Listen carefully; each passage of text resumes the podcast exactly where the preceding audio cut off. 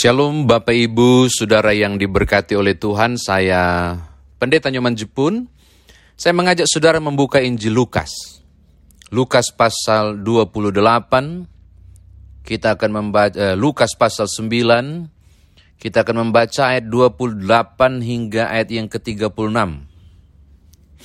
Lukas pasal 9 ayat 28 hingga ayatnya yang ke-36. Sebelumnya mari kita berdoa. Terpujilah engkau ya Bapa dalam Kristus Yesus yang menganugerahkan kami kehidupan di hari ini.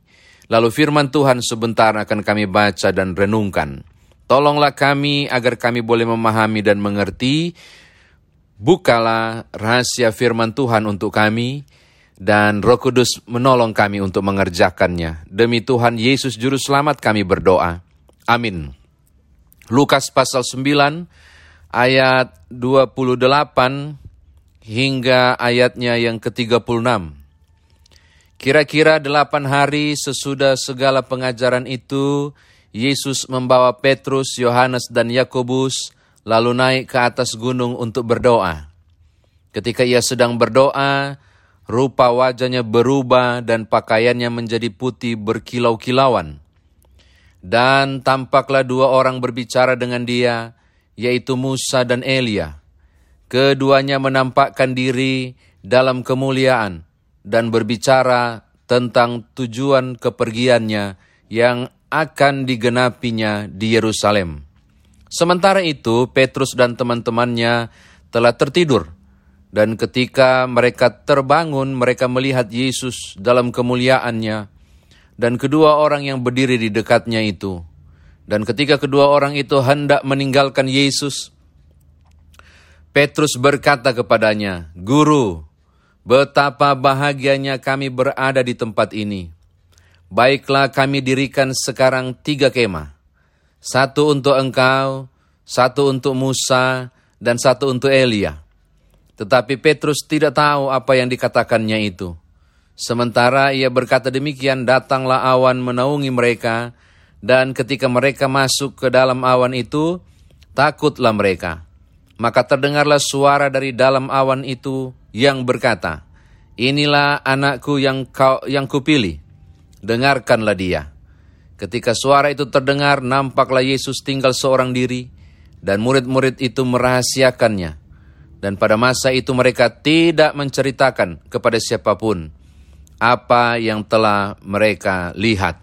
Demikian firman Tuhan, terpujilah nama Tuhan dan terpujilah Yesus Kristus yang memungkinkan saudara dan saya boleh mendengarkan firman Tuhan ini dan kiranya kita mampu untuk mengerjakan dan melakukannya. Bapak Ibu, saudara kekasih di dalam Tuhan, kalau memperhatikan uh, Injil Matius pasal 17 kisah yang sama, lalu melihat juga Injil Lukas, lalu melihat juga Injil Markus pasal 9, juga kisah yang sama. Ini menarik, bahwa peristiwa ini terjadi pasca pengakuan Petrus. Engkau adalah Mesias dari Allah. Itu pengakuannya Petrus. Lalu kalau melihat bahwa mereka saat ini sedang ada di sekitar Kaisarea, maka kita dapat menduga kemungkinan gunung apa yang Yesus naiki bersama tiga orang murid itu. Kemungkinan besar bahwa gunung itu adalah Gunung Tabor atau Gunung Hermon yang memang letaknya dekat dengan Kaisaria Filipi. Jadi sangat mungkin bahwa gunung yang eh, dipakai oleh Tuhan Yesus untuk berdoa adalah Gunung Tabor atau Gunung Hermon. Ini catatan saya yang pertama. Yang kedua Bapak Ibu, ini menarik.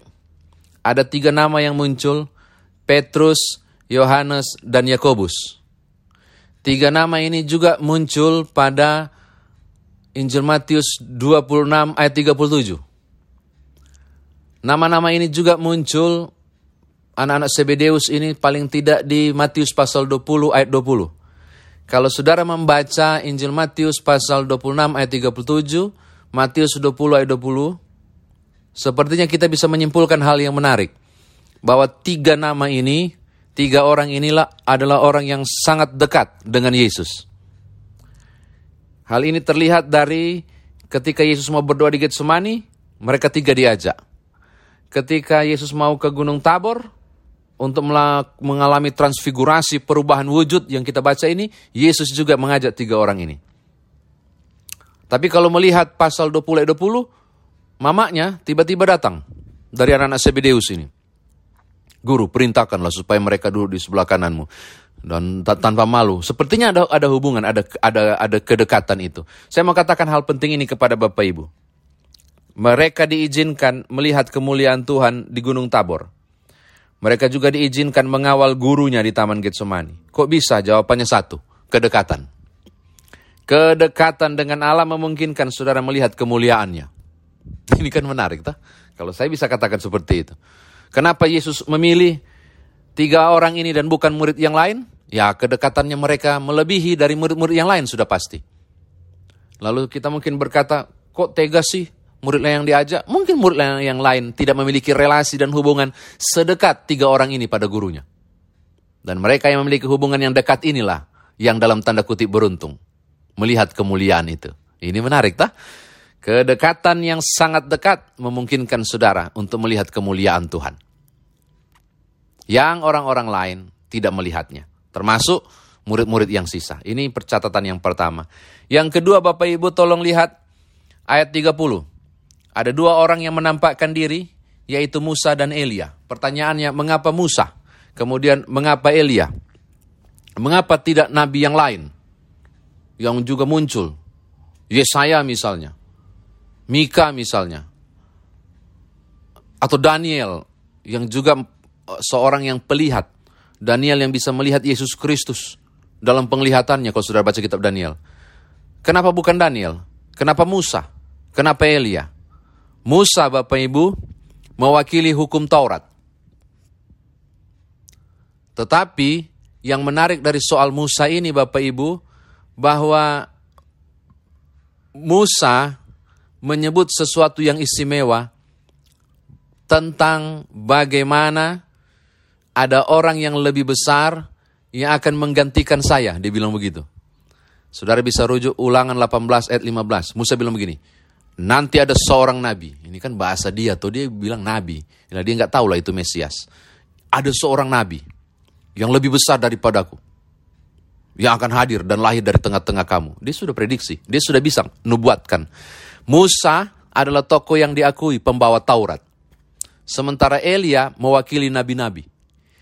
Mengapa Musa dan Musa mewakili Taurat? Elia mewakili kitab nabi-nabi. Kehadiran Yesus dan misinya, sekali lagi, kehadiran Yesus dan misinya itu merupakan legitimasi hukum Taurat dan kitab para nabi. Yesus hadir dan berkarya dilegitimate oleh hukum Taurat dan kitab para nabi. Dan tahu ke saudara, hukum Taurat, Taurat Tuhan dan kitab para nabi adalah dua jenis kitab yang derajatnya sangat tinggi dibanding jenis kitab yang lain. Dan kalau dua jenis kitab ini diakui, mengakui Yesus Kristus, dihadirkan melalui Musa dan Elia, berarti Israel harus mengakuinya. Itu mengapa harus muncul Elia dan Musa. Ini catatan yang kedua. Yang ketiga, Bapak Ibu Saudara, saya tertarik ketika Mus, uh, Petrus bereaksi. Petrus bereaksi tentang konfigurasi ini, perubahan wujud ini, trans, uh, apa metamorfose dalam bahasa Yunaninya. Reaksinya adalah kita bangun tenda. Pas dia punya ide seperti itu sudah pergi. Tokoh dua tokoh besar ini. Tidak mungkin manusia mengurung kemuliaan Tuhan dalam sebuah tenda. Tidak mungkin manusia mengurung kemuliaan Tuhan di dalam gedung gereja. Kemuliaannya tidak bisa dikurung dan dinikmati sendiri. Ini maknanya. Tapi sayang sekali, Petrus dan teman-teman itu bereaksi aneh di ayat yang ke-36 dan murid-murid itu merahasiakannya. Dan pada masa itu, berarti masa sebelum Yesus mati dan naik ke sorga, mereka tidak menceritakan kepada siapa pun apa yang telah mereka lihat itu. Dua, dua hal kemungkinan Bapak Ibu. Mengapa mereka tidak menceritakan? Mereka takut untuk mengisahkannya. Mereka tidak berani untuk bersaksi. Karena Yesus banyak ditentang. Sementara terkesan kuat bahwa Yesus dilegitimasi oleh Taurat dan kitab para nabi. Sementara orang Israel menentang dia. Wah ini persoalan. Bisa jadi tabrakan. Bisa jadi pertikaian. Apakah mungkin mereka cari aman? Murid-murid ini saya tidak tahu. Atau yang kedua, bisa saja mereka berpikir belum waktunya. Bisa saja mereka berpikir belum saatnya. Saya tidak tahu. Tapi bagi saya, ketika Lukas menekankan poin ini, ini ada penekanan yang sangat penting. Ada pemaknaan yang luar biasa. Mereka melihat mata dengan mata. Mereka menyaksikan langsung. Tapi mereka gagal menyaksikannya. Sayang ya, mereka tidak menceritakannya. Pada masa itu, saya duga masa ini masuk adalah sebelum Yesus bangkit. Jadi kisah ini muncul nanti setelah Yesus benar-benar menjadi raja. Mengalahkan maut, bangkit dan naik ke sorga. Baru ini kemudian dikisahkan dan Lukas mencatatnya. Sayang ya. Tapi saya yakin ada maksud dari semua itu. Saya kira demikian firman Tuhan ditafsirkan bagi kita. Nah sekarang Bapak Ibu bagaimana kita bawa dalam kehidupan beriman kita. Yang pertama Bapak Ibu saya katakan tadi kedekatan dengan Allah. Hubungannya mesti dekat engkau harus memiliki uh, intimasi yang khusus dengan Tuhan. Untuk bisa melihat dan menikmati hal-hal khusus yang Tuhan sediakan. Bapak Ibu, saya yakin para murid yang lain cemburu. Tiga, paling tidak kenapa mereka tiga ya? Kenapa bukan kami? Ya karena mereka tiga memiliki kedekatan yang khusus. Saudara mau memiliki hal spesial dan dispesialkan oleh Allah. Dikhususkan oleh Tuhan. Dipilih untuk hal-hal khusus. Engkau harus memiliki kedekatan yang khusus juga dengan Tuhan. Kedekatan dengan Allah. Kedekatan dengan firman-Nya. Kedekatan saudara ketika berbicara dan sering berkomunikasi lewat doa. Kedekatan saudara untuk menyembahnya lewat pujian-pujian. Oh ini penting Bapak Ibu. Relasi dengan Tuhan harus dibangun. Supaya kita memiliki kedekatan yang sungguh dengan Allah. Dan diperlakukan khusus seperti Yohanes, Petrus, dan kemudian Yakobus. Engkau butuh kedekatan yang khusus. Melebihi kedekatan yang biasa. Ha, ini penting nih. Kedekatan yang khusus. Itu hal yang pertama. Yang kedua Bapak Ibu. Adalah juga mengajarkan kepada kita hari ini. Taurat dan kitab para nabi melegitimate Yesus. Pasca pengakuan Petrus, engkau adalah Mesias. Maka hal yang kedua saya mau katakan tidak terbantahkan lagi seharusnya. Tidak perlu goyah lagi seharusnya. Bahwa juru selamat saudara dan saya Yesus Kristus benar-benar adalah anak Allah. Benar-benar Mesias Allah itu sendiri. Cukuplah untuk kemudian meyakininya. Karena kehadiran Musa mewakili Taurat dan Elia mewakili kitab para nabi. Melegitimate siapa Yesus sesungguhnya. Bapak Ibu Saudara kekasih di dalam Tuhan, ketika sang Bapa mengatakan, inilah anak yang kupilih, anakku yang kupilih, dengarkanlah dia. Itu bahasa mau menyampaikan, inilah anak Allah. Setara dengan ini anak dewa dalam tradisi penulisan Injil Lukas dalam tradisi uh, Helenis Yunani. Ketika disebut anak dewa berarti dewa. Ketika disebut anak Allah berarti Allah. Dari sorga sendiri melegitimate siapakah Yesus Kristus. Bukan hanya Mesias. Tapi adalah Allah itu sendiri. Jadi nggak perlu lagi saudara ragukan. Kalaupun diragukan orang lain, kiranya saudara berpulih kembali. Pulih kembali. Untuk meyakini bahwa Yesus Kristus adalah Tuhan dan Juru Selamat. Jangan sampai saudara goyah iman. Karena sudah terbukti. Terakhir Bapak Ibu, Penting, saudara yang menyaksikan dan diberi kesempatan, menyaksikan kemuliaan Tuhan. Saudara yang berkesempatan untuk melihat hal-hal yang luar biasa dari penyertaan-penyertaan Tuhan dalam hidup saudara. Saya kira adalah penting untuk saudara bersaksi. Petrus, Yohanes, Yakobus tidak melakukannya. Adalah penting saudara menceritakannya, mengisahkannya tentang perbuatan-perbuatan Allah yang ajaib dalam hidup saudara. Mereka dipanggil khusus loh untuk melihat itu. Mereka tidak mengisahkannya. Terus for apa orang dipanggil? Sayang ya, saya mengatakan yang sama, engkau dan saya dipanggil untuk diselamatkan. Dan saudara sudah diselamatkan, kisahkan cerita itu. Tentang bagaimana saudara diselamatkan. Tentang bagaimana juru selamat kita. Engkau dipanggil khusus untuk menyaksikan sesuatu.